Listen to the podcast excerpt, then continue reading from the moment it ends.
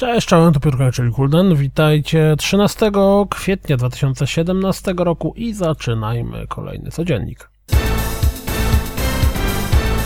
Pojawił się zwiastun z rozgrywką z NBA Playgrounds. Yakuza Kiwami ma zadebiutować 29 sierpnia tego roku u nas i z tej okazji dostaliśmy nowy zwiastun. Gra ma dodatkowo kosztować około 150 zł.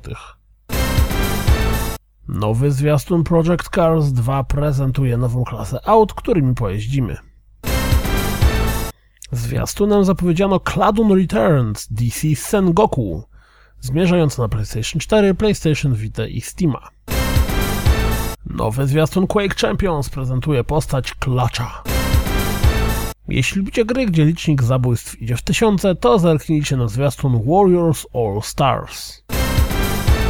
Shock Tactics zwiastunem przypomina o swojej Steamowej premierze.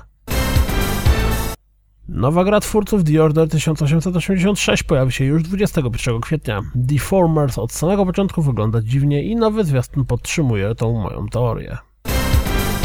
W Overwatchu zaczął się właśnie nowy event. Zobaczcie szczegóły Uprising czy też Insurrekcji. Prey dostanie demko, konkretnie rzecz biorąc pierwszą godzinę gry, która pojawi się tydzień przed premierą. Podoba mi się ta nowa moda.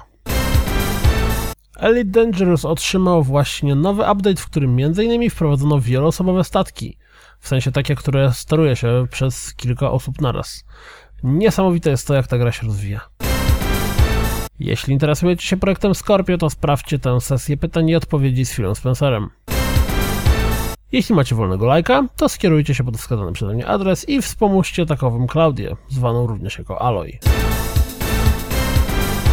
To wszystko na dziś, jak zawsze. Dziękuję za słuchanie, jak zawsze zapraszam na www.rozgrywkapodcast.pl Jeśli doceniacie moją pracę, nie powstrzymujcie się przed wsparciem na Patronite i mam nadzieję, że słyszymy się jutro. Trzymajcie się, cześć!